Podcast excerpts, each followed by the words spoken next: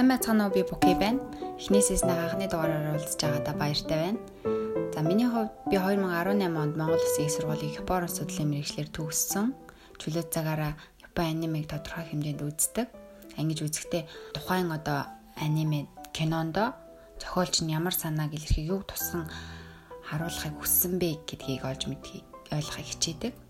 За тийм талаар олж мэдсэн цоглуулсан мэдээлэл та бүхэндээ хуваалцъя. Сонирхолтой байх гэж найдаж байна. За би Японы алдарт Ghibli студийн бүтээсэн кино аниментийн тухай ярих болно. Эхний дугаартаа юуны төрүн Ghibli студийн тухай ярих нь зүйтэй болов уу гэж бодлоо. Японд анх 1900-ад оны үеэс анимашн үүссэн бөгөөд хамгийн анхны одоо Японы аниме гэвэл 1907 онд гарсан 4 секунд үргэлжилдэг хөдөлгөөнт зураг байдаг. Харин Ghibli студийн хувьд гэвэл Toru Hara найруулагчийн байгуулсан Top Craft гэдэг анимашн студид дампуурснаар Исао Такахата, Мия Хаяо Миязаки, Тошио Сузуки найруулагч нар тус студийг худалдаж аваад 1985 онд нэрийг нь өөрчилөн Ghibli студийг байгуулсан. Ghibli студ нь Токио хотод байрладаг. Бүгд э, Япон төвтэй байгууллага хийдий ч гадаад ажилчид бас нилээд байж ажилдаг. Ялангуяа Итали хүмүүс байдаг. Мөн Topcraft гэдэг өмнөх студийнх нь продюсер Toru Hara гэдэг хүн Ghibli студийн анхны менежер ажилласан. Япончууд яагаад аниме гэдэг үгийг ашиглах болсон бэ гэвэл анимашн гэдэг англи үгийг япон хэлэнд ани ме шон гэд каткана үсгээр тэмдэглэн үүнээсээ улбалаад товчлоод юм аниме гэж ашиглах болсон. Мөн аниме гэдэг үг нь ерөөдөө хүүхдийн кино гэсэн утгаар ойлгож байгаа. Студид яагаад Ghibli гэдэг нэрийг өгсөн бэ гэдэг шалтгаан нь бол яг үнд Италийн онгоцны нисгэгчид Ghibli гэдэг үгийг ашигласан. Энэ нь сахарын цөлөөр дамжин салхилах халуун салхи гэсэн утгатай. Мөн дэ Caproniceae Ghibli гэдэг нисэх онгоцны нэр. Miyazaki студид Ghibli гэдэг нэрийг өгсөн аниме үйлдвэрийн салбарыг өөрчлөх салхи гэсэн утга санааг агуулдаг гэддэг. А Ghibli студийн хувьд гэвэл өвөрмөц зураглал өнгө дүрс хийж зэрэгээрээ бусад одоо студиэсээ ялгардаг. А Миязаки одоо Ghibli студийн гол хүн болох Хаяо Миязакигийн бүтээсэн аниме нь ерөөдөө сонгодог анимегийн тоонд гарцаагүй багтдаг. Энэ ч утгаараа түүний одоо нэрийг Ghibli гэдэг нэрийг өгсөн санаа нь биелсэн гэж бодож байна. Өмнөх студийн дарга байсан Toru Hara хэлэхдээ Ghibli бол 3 H-ийн даваа ажилладаг. Энэ нь High Coast буюу өндөр өртөг high risk буюу өндөр эрсдэл, high return буюу өндөр их үр өгөөж Өөрөөр хэлбэл ямар ч сайн зүйл маш их ажил хөдөлмөр зарцуулагддаг мөн ихээхэн аз сурдаг гэж хэлсэн байдаг. Мэдээж одоо кино бүтээхийн тулд ялангуяа хүүхдийн кино, аниме бүтээхийн тулд маш их зураг зурж, маш компьютер дээр ажиллаж, өдөр шөнөгүй ажиллаж, маш их хөрөнгө, хөдөлмөр одоо цаг хугацаа зарцуулагдсан шүү дээ тий. А тэгээд амжилт олохгүй бол хэцүү тий. Тэгэхээр эрсдэл юм да. Ghibli студийг Хаяо Миязаки аниматороор төсөөлшгүй. Тэрээр 30 гаруй жил аниме ертөнцид өөрийн сэтгэл зүрх хөдөлмөр цаг хугацаагаа зориулсан гайхалтай аниматор. Тэмч утгаараа Миязакигийн бүтээсэн аниме нь сонгодог анимегийн донд гарцаагүй ордог гэсэн шүү дээ. Түүний аав нь дэлхийн 2 дугаар дайны үеэр сүнөөх жонгоцны сүүл үйлдвэрлэдэг компанитай байсан. Ийм эсэдүүд тэрээр бас онгоцонд маш их хайртай. Юу н өөрийн гар бие оролцсон кино бортой онгоцны нисж байгаа онгоцны төрслөл үзэгдэл оруулдаг. Харин ээж нь нугасны сүрийн өвчний халдвар аваад 9 жилийн турш хэвтрийн байдалтай байсан. 1947-оос 1955 оны хооронд. Тэгээ энийг Хаяо Миязакийн Миний хүч тоодороо кинонд тусган оруулсан байдаг. Ээж нь удаан хугацаанд өвчтэй эмнэлэг твтэж гардаг штеп. Миязакига даяашил капитализм тэтгэр бидний амьдралд нөлөөлж байгаа нөлөөлөл зэрэгтэх шүүмжлэлтэй ханддаг. Тэрээр кинонд хүний байгаль болон техниктэй харилцах харилцаа, амьдралын төрлөх болон уламжлалт хэм маяг, урдлаг, урд түн, чухал байдал, хайр, гэр бүл гэх мэт сэдвүүдийг тавтан одоо кино бүртээ оруулдгаараа онцлогтой. Миязаки үзэн анхны аниме нь Hakushin The Great White Snake гэдэг 1958 онд бүтээлэн гарсан кино байдаг. Тэрээр энэ киног үзээд шууд сэтгэл татагд анимегийн ертөнц рүү орох болсон анхны шалтгаан гэж үздэг. Мөн Миязаки анх зурж эхлэхдээ хүнийг хэрхэн зурхаа мэдэхгүй байсан мөг тэрээр зөвхөн нисэх онгоц болон байлдааны ус онгоцыг зурдаг байсан. Тэгээд дараа нь хүн зурх нь одоо анимегийн ертөнцид анимегийн салбарт ороход чухал юм байна гэдгийг ойлгоод тэгээ хүний дүр зурж эхэлсэн. А сүүлдээ тэрээр олон нийтийн газарт одоо хүмүүсийн байр байдлыг сонин зан ажиглаад тэрийг дараа нь ажилдаа ашигладаг болсон. Ghibli студийг хамтран үүсгэн байгуулагч хоёр хүн болох Isao Takahata өөрийн карьераа аниматор биш найруулагч гэдэг үднээс нэгдүүлэхийг хүссэн.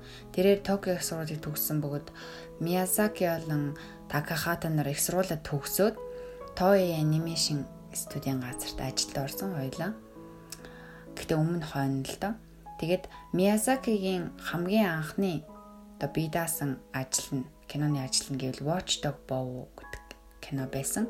А харин тэр хоёрын хамтарсан анхны уран бүтээл нь 1965 онд тэр хоёр The Prince of the Sun гэдэг аниме дээр багаар ажиллахаар хуваарлагдсан. Гэвч энэ бүтлгүүдэд Такахата нь албан тушаал буурсан. Дараа нь тэд өөрсдөө одоо биедан тусдаа кино хийхээр шийдсэн бөгөөд энэ салхид хүндийн Наушика гэдэг кино байсан. 1981 онд тэд анхны зураг нийтлүүлэхээр цацхаар одоо хүсэлт гаргасан боловч тухайн одоо хамтран ажиллагч байгууллагууд нь бэлэн манган дээр үндэслэн шинж чанартай кино хийлгийг хүссэн учраас Миязаки нь 1982 онд Наушика манга болон анимашн сэтгүүлээ гаргасан. Тэгээд Токумон хэвлэлийн газраас Миязакигаас одоо Наушика мангага кино олохыг хүссэн учраас тэр Такахататай хамтран салхит хүндийн Наушика киногоо бүтээгээр болсон дараагийн одоо 3 дахь түшигдэл уур хүн болох Тошио Сузукийн тухайн үед Токома хэвлэлийн газрын анимашн сэтгүүл ахлах редактор байсан. Тэрээр Наушика киног бүтээх багийн нэг хэсэг нь болж ажилласан. Ингээд Ghibli студийн үндэслэгч 3 хүний хамтын ажиллагаа нь эндээс эхэлсэн болтой. Наушика киногоо хийж дуусны дараа Миязаки нь Наушика мангага 1900 94 он хүртэл үргэлжлүүлэн гаргасан. Тэдний хамтран бүтээсэн анхны кино болох энэ Салхит хөндийн Наушика кино нь 900 мянгаар үзэгчтэй буюу бас хамгийн их үзэгчтэй киноны тоонд багтсан байсан. Ghibli студийн кинонууд нэмэгтэй удирдагчийн дүр их байдгаараа алдаршсан. Мязаки үнийг тайлбарлахдаа эмэгтэйчүүд асуудлыг зохицуулахад илүү гүн гүнзгий арга барилтай байдаг. А мөн эрэгтэйчүүд олиог шийдэхдээ үгээр шийдвэл эмэгтэйчүүд мэдрэмжээрээ шийддэг гэж хэлсэн байдаг. Ерөнхийдөө бас тэгж бодож байна. Ер нь эрэгтэйчүүд нэг мэдрэмж бодолцдог гэж би бодохгүй байна. Миязакигийн кинонууд нь юмсыг яг бодит байгаагаас нь илүүтэй байгаасаа түүний одоо тийм байгаасаа гэж хүссэн төрслийг нь үзүүлдэг. А тэрээр хичнээн одоо нийгмийн ноцтой сөрөг сэдвтэй асуудлуудыг хүнддэг ч гэсэн эрэг байдлыг үзүүлэх нь чухал гэж үздэг. Харин түүний манганууд бол киноноос бүхэлдээ шал өөр гэдэг. Жишээ нь Зассонот гэдэг манган дээр хүн төрөлхтний бүхий л хар муухай нүгэлт хэсгүүдийг оруулсан байдаг. Шунал, уур хилээ, үзий ядалт гэх мэт. Такахата болон Миязакигийн кинонууд нь хоорондоо шал өөр хэв шинжтэй байдаг. Такахата нь илүү реалистик буюу бодит байдлыг дүрсэлдэг болвол Миязаки нь улам бүр фантастик төрлөх болгосон. Такахатан залуу ажилчдад зориулан найруулах урлаг болон анимашны тухай суралцах боломжтой. Ghibli студийнхаа анимашн сургуулийг санаачлан үйл ажиллагаа явуулсан. Гэвч тэд гайхалтай кино бүтээгчд нь ер нь заавал гайхалтай агуу шавнарыг бэлтгэдэггүй байна гэдгийг олж мэдсэн юм байна. Тэгээ студийн шинэ байрны 0 нь эмэгтэйчүүдийн 0 нь эрэгтэйчүүдийнхээс 2 дахин том байсан.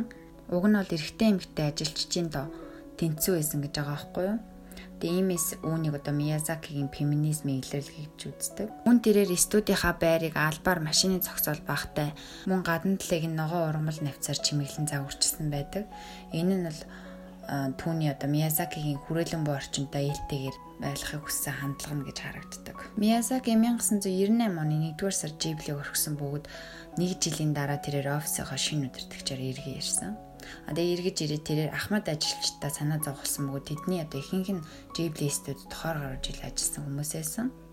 Тэгээ улмаар тэрээр дэлгүүр нэг санаа олсон бөгөөд тус дэлгүүртэй аниматоруудаа хагас цагаар ажиллах боломжийг нь олгосон.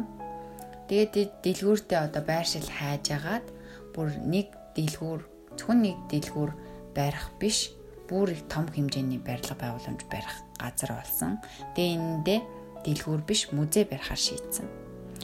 Тухайн музейг Миязаки нь илүү одоо хүүхдүүдэд хандан нээхийг хүссэн.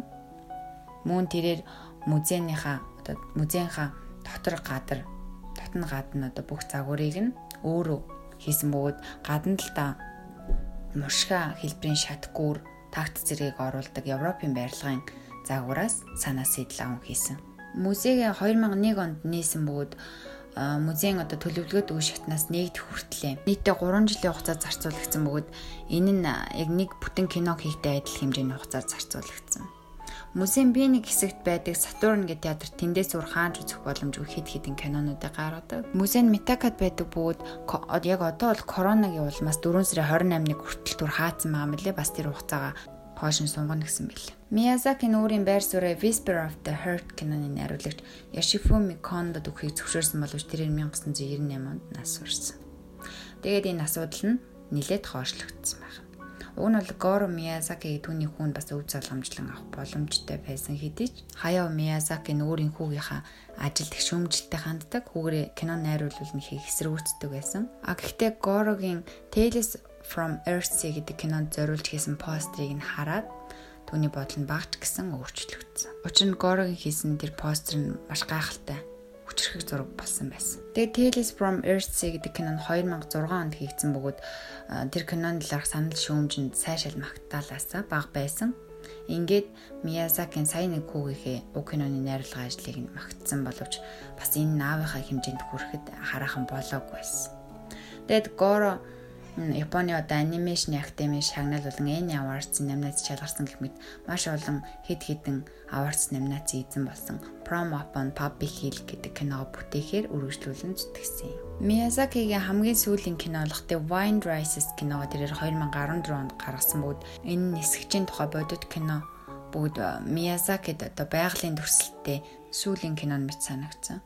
А Сузуки Тошио Сузуки хэлэхдээ Миязаки нь уг кинонд онцгойлон сэтгэл нь хөдлөн хийсэн. Учир нь Миязаки нисэх онгоцсон маш шаартай харин дайныг үзий яддаг гэж хэлсэн байт юм лээ. Иймээс бас дайны эсэргүүцэн онгоцыг хайрлсан. Тус кинонд түүний амжилт тусан баг. Ер нь их тийм догтлон хийсэн сэтгэл одоо хүсэл мөрөөдөл шингэсэн юм шал өөр шүү дээ. Kingdom of Dreams and Madness гэдэг баримтат кинон Ghibli студийн The Wind Rises болон Tales of Princess Kaguya зэрэг кинонуудыг хийж явах үеийг нь харуулсан. Мөн тухайн кинонд одоо хөгжил цэцгэлтийг харуулсан. Ghibli студийн тухай баримтат кино. Ghibli студ нь 1997 онд Mononoke гүнж 2001 онд Spirited Away киноныхоо зургаараа Японы академийн шагналаас шилдэг зураг төрсэн шагнал хүртсэн. Мөн 2009 онд Ponyo, 2011 онд Arity, 2012 онд Prom Upon Puppy Hill, 2014 онд Wind Rises зэрэг кинонуудаар шагнал хүртсэн байт юм лээ.